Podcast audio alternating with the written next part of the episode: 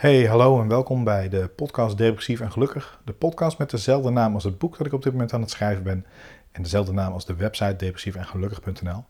Alles onder die naam, dat doe ik om het uh, taboe wat heerst op depressie te doorbreken. Om te zorgen dat mensen met depressie of hun partner of alle twee ergens terecht kunnen voor erkenning, voor begrip, voor tips, voor advies. En uh, als ultiem doel, al is maar voor één iemand, om dat setje te geven om uit dat diepe dal van depressie te komen. Dit is het, uh, het tweede deel van mijn, uh, van mijn podcast. Eerder heb ik tien afleveringen opgenomen en ik ben op dit moment dus, uh, of jij bent op dit moment aan het luisteren naar het zevende deel, of sorry, de zevende aflevering van het tweede deel. En voor ik je ga vertellen waar ik het nu over wil hebben, even een kleine recap, zoals ze dat heel tof noemen. Uh, in het eerste deel ben ik begonnen je te vertellen waarom ik op dat moment uh, niet thuis was. Ik heb het gehad over de brief aan mijn vader. Ik heb het gehad over social media. Ik heb het gehad over de invloed van eten. Ik heb het gehad over uh, do what you love, dat je moet doen wat je leuk vindt. Ehm, nou, ik heb het over nog meer dingen gehad. En in dit tweede deel, het tweede seizoen om het even zo te noemen, heb ik je eerst een staatsupdate gegeven. Hebben we het gehad over materialisme en minimalisme. Hebben we het gehad over forumsgroepen en communities. En ik heb je uitgenodigd voor mijn community. Aan het eind van die podcast uh, doe ik je dat nog een keer. Uh, we hebben het gehad over mediteren. Uh, we hebben het gehad over de omgeving van, uh, van mensen met depressie en de impact van depressie op die mensen.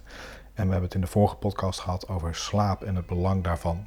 Nou, zoals je hoort zit ik nog steeds op die boerderij. En er wordt hier getoeterd. En misschien hoor je de wind ook wel. Maar goed, ehm, dat heeft ook wel iets, laat ik het zo zeggen.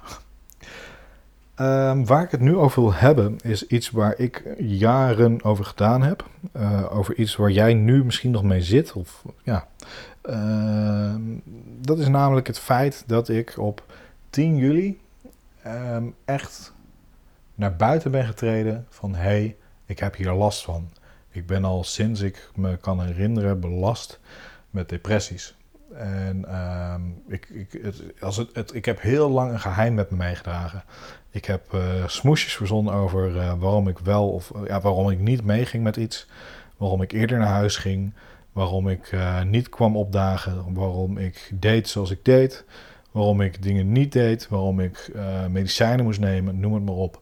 En ehm, als we heel eerlijk zijn, dan heb ik dus gewoon gelogen tegen mensen. Mensen vroegen mij van, hé, hey, waarom ga je niet mee? Of waar, waar blijf je? Of noem maar op. En uh, ja, noem het een, een, leugen om best veel. Ik weet niet hoe je dat moet noemen. Feit, ja, laten we gewoon heel eerlijk zijn. Feit komt op neer dat je daarvoor moet liegen. En dat voelt niet goed. Dat betekent ook dat ik heb gelogen tegen mensen dicht bij mijn omgeving. En dat voelt niet goed. Kijk, Charlotte wist er natuurlijk wel van. Al, al zo goed, zo lang als ze me kent. Uh, dat dat zou, me, zou heel knap zijn als ik dat geheim kon houden voor haar. Maar uh, andere mensen die wat dichter bij me staan, uh, vrienden daar, die weten dat, uh, heel veel van vrienden weten dat pas sinds 10 juli.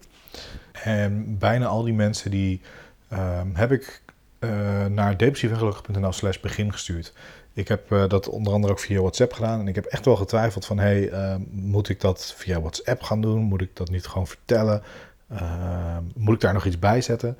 En dat, daar was ik zo mee bezig, dat ik met die vraag, dat het me zo beperkte, dat ik uiteindelijk heb gekozen van, weet je wat, ik stuur gewoon echt letterlijk alleen die URL. Als je daar nog niet geweest bent, dan is het misschien interessant om even te kijken.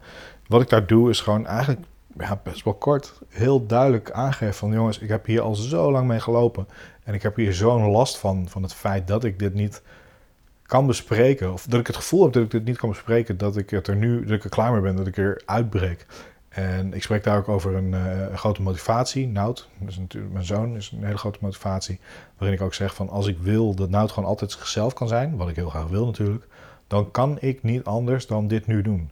Want hoe kan ik hem vertellen dat hij iets moet doen als zijn vader al, zolang als hij zich kan herinneren, zolang als ik me kan herinneren, uh, met een geheim loopt. Dus dat is, uh, dat is hoe ik het gedaan heb. En ik wil het er graag over hebben. Um, hoeveel beter het voor mij daarna is geworden, omdat ik jou zou willen helpen om dat ook te doen. En het is niet zo dat dat een doel, ja, het is, het is wel een doel, zit ik me altijd tussen te denken. Het is best wel een doel voor mij om te zorgen dat het taboe doorbreekt. En uh, jij helpt daar ook mee door zelf ook naar buiten te treden. En nou is het zo dat ik me kan, ik kan me voorstellen, ik weet dat er een enorme angst is Omdat je toch bang bent dat mensen het niet begrijpen. Dat je toch bang bent dat je anders zal worden behandeld. Dat, dat mensen, misschien goed bedoeld hoor, maar dat je een slachtofferrol krijgt aangewezen. Want dat kan natuurlijk ook. Dat het elke keer weer de vraag is van, hoe gaat het nou met je? Uh, moeten we dit, moeten we dat? Lukt het allemaal wel? En ik ben nog steeds wie ik was. Ik ben nog steeds, ik ben misschien wel meer geworden wie ik was, uh, wie ik ben, nadat ik het heb, uh, heb verteld, zeg maar. En wat ik een hele goede vond, is van mijn schoonmoeder, de moeder van Schuld.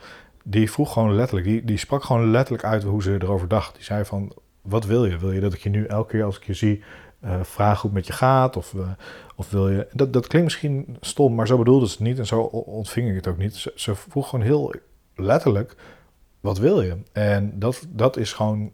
Dat, ik zou willen dat iedereen zo reageerde. Omdat je dan gewoon heel gewoon eerlijk ook kan antwoorden van... nou, ik wil eigenlijk dat er niks verandert. Ik wil dat we het er nu misschien af en toe over kunnen hebben... maar het is niet zo dat nu het elke seconde van de dag over mijn depressie moet gaan. Of dat het elke keer met de vraag is of ik me wel goed voel. Of als ik me ergens geen zin in heb, dat het dan besproken moet worden dat het mijn depressie is. Dus ik denk dat dat een, dat dat een belangrijk ding is om, om te kijken of je mensen zover kan krijgen dat je dus dat je jezelf zover kan krijgen dat je, dat je het eruit gooit, maar dat je ook meteen je verwachtingen erbij uitspreekt. En uh, dat is een dingetje wat ik niet zozeer heb gedaan, die verwachtingen uitspreken, maar voor mij is het gelukkig allemaal heel goed terechtgekomen. Ik heb niemand gehad die negatief heeft gereageerd. En ik moet je ook eerlijk zeggen dat je bent er natuurlijk bang voor, maar je kan je, ik kan, kon het me niet voorstellen. Het was niet zo dat ik dacht van als ik dit ga uh, vertellen, dan uh, die vrienden hoeven me nooit meer te zien en uh, die reageert belachelijk. Dat ook weer niet, maar het is toch wel een angst die je hebt. En andere reacties die ik heb gekregen, die zijn dan, vind ik, wat ik ook heel mooi vind, het zijn mensen die zeggen gewoon heel eerlijk, ik kan me er niks bij voorstellen. Want dat is, dat is niet, ehm, dat is niet respectloos. Die mensen kunnen zich er niet bij voorstellen en daar ben ik alleen maar blij mee. Ik ben blij voor ze. Maar wat ik wel van ze vraag is begrip. En dat, dat krijg ik ook. En dat is, ik denk dat dat het allerbelangrijkste is. Dat je je beseft van, ik hoef niet zozeer dat mensen zich herkennen. Uh, dus begrijp me niet verkeerd. Ik vind het heel mooi dat mensen zich herkennen in mijn podcast, in mijn artikelen, in wat ik doe, in het boek, noem het dan maar op. Maar dat kun je niet van iedereen verwachten. Je, maar wat je wel hoopt te krijgen van, van je naaste omgeving, van de mensen om wie je geeft, is begrip. En uh, dat hoeft dus niet te betekenen dat ze begrijpen wat je voelt, maar dat ze begrip hebben voor ja, dat in de zin van dat ze er respect voor hebben. Ik denk dat dat, uh, dat, dat het allerbelangrijkste is. En wat ik al eerder zei, um, aan de ene kant wil ik zeggen van het is niet mijn doel om te zorgen dat jij uh, gaat toegeven dat je depressief bent of dat je daar last van hebt. Aan de andere kant is dat het wel, omdat dat juist het, het, de anonimiteit zorgt ervoor dat het taboe er is. Omdat we vinden iets vreemd omdat het er zo weinig is, omdat het uniek is. Dat we denken dat het er zo weinig is, want dat is niet zo. Het is, uh, als ik het goed heb, uh, 1 op de 5 mensen heeft een depressie gehad of gaat die nog krijgen. Dus je kent absoluut mensen die een depressie hebben of hebben gehad. Nou zitten daar natuurlijk heel veel uh, soorten en maten aan, maar uh, in die zin, 1 op de 5 mensen heeft enigszins ervaring met een depressie. En als 1 op de 5 mensen ervaring heeft zelf met de depressie, dan kun je zelf wel bedenken dat heel veel mensen in ieder geval ervaring hebben met iemand die een depressie heeft, heeft gehad of nog gaat krijgen. En dat is ook juist de reden doordat het zo. Ja, als, als we normaal, ik vind normaal dat een, een vreemd woord, maar als we normaal vinden wat veel gebeurt, dan zou depressie dus normaal moeten zijn. Want 1 op de 5 mensen is gewoon heel veel. Maar we vinden het niet normaal. Er is een taboe omdat we het allemaal binnenhouden. Omdat ik het ook jaren heb binnengehouden. Omdat ik dacht dat het niet kon, dat het me zou veranderen voor, voor in de ogen van andere mensen. Dus de enige manier waarop we die depressie te lijf kunnen gaan is samen. Is door ja, te zeggen wat je denkt, wat je voelt. En het zou, het zou zo mooi zijn als we dat wel kunnen bereiken. Doordat we inzien dat, dat het, het, en ik wil mezelf echt geen schouderklopje geven nu, maar dat het een teken van van kracht is om er wel over te hebben. Dat het niet zwak is om überhaupt last te hebben van depressie. Ik bedoel, uh, zwak is als je een keuze kan maken en de makkelijkste weg kiest. Ik heb hier, ik heb hier geen keuze in. En jij, jij hebt hier geen keuze in of je depressief bent. Ik durf echt wel te zeggen dat ik zo ontzettend veel doe om de depressie klein te houden, te krijgen en te verminderen.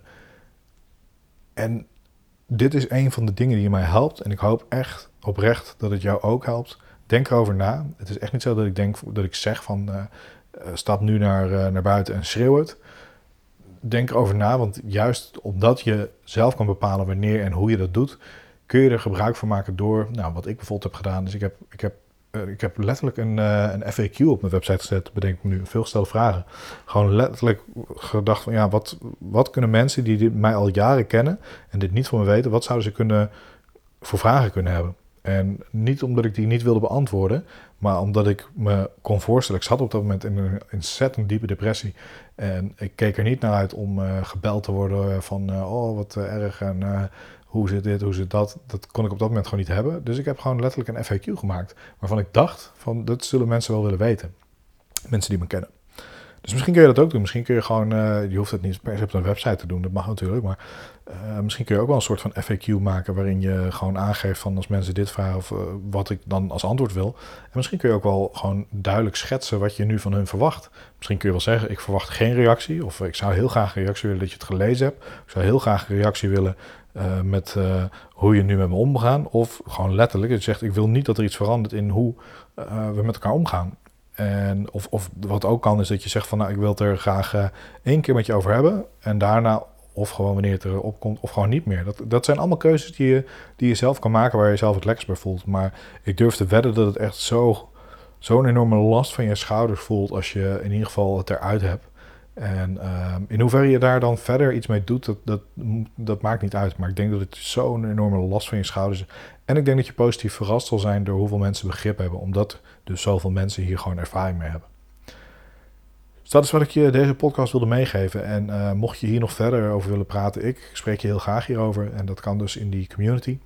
Je kan naar uh, depressiefengelukkig.nl slash community of je gaat naar depressiefengelukkig.nl en daar klik je op community. Daar heb je de uitnodiging om uh, lid te worden van een, uh, ja, hoe moet ik het noemen? Een kanaal is het denk ik. Een soort van forum chatachtig iets. Je kan daar dus eventueel ook anoniem lid worden. Dat is geen probleem als je op dat moment eerst de boel wil verkennen. Het is een, een groep waar ik ehm, samen met, met, met jullie eigenlijk mensen wil inspireren, mensen wil motiveren om door die depressie heen te komen, waarin ik uh, tips, advies wil geven, krijgen. En uh, ik hoop ook dat we daar mensen kunnen helpen om uh, die, die stap te zetten uit dat depressieve dal. Wil ik nog één dingetje van je vragen? Of twee bedenk ik me nu. Eén, ik zou het heel erg tof vinden als je deze podcast een beoordeling geeft. Dat kan in iTunes. Uh, op die manier kunnen we het doel ook uh, weer eerder bereiken. Ik zou het heel erg tof vinden ook als je mijn boek reserveert. Dat kan op depressiefengelukkig.nl slash boek. Kost 21,99 euro. Je krijgt meteen wat ik tot nu toe geschreven heb. En je krijgt toegang tot dat document zodat je eventueel feedback kan geven. En natuurlijk als het boek al af is, dan, uh, dan krijg je die. Bedankt weer voor het luisteren en ik hoop je de volgende keer weer te zien.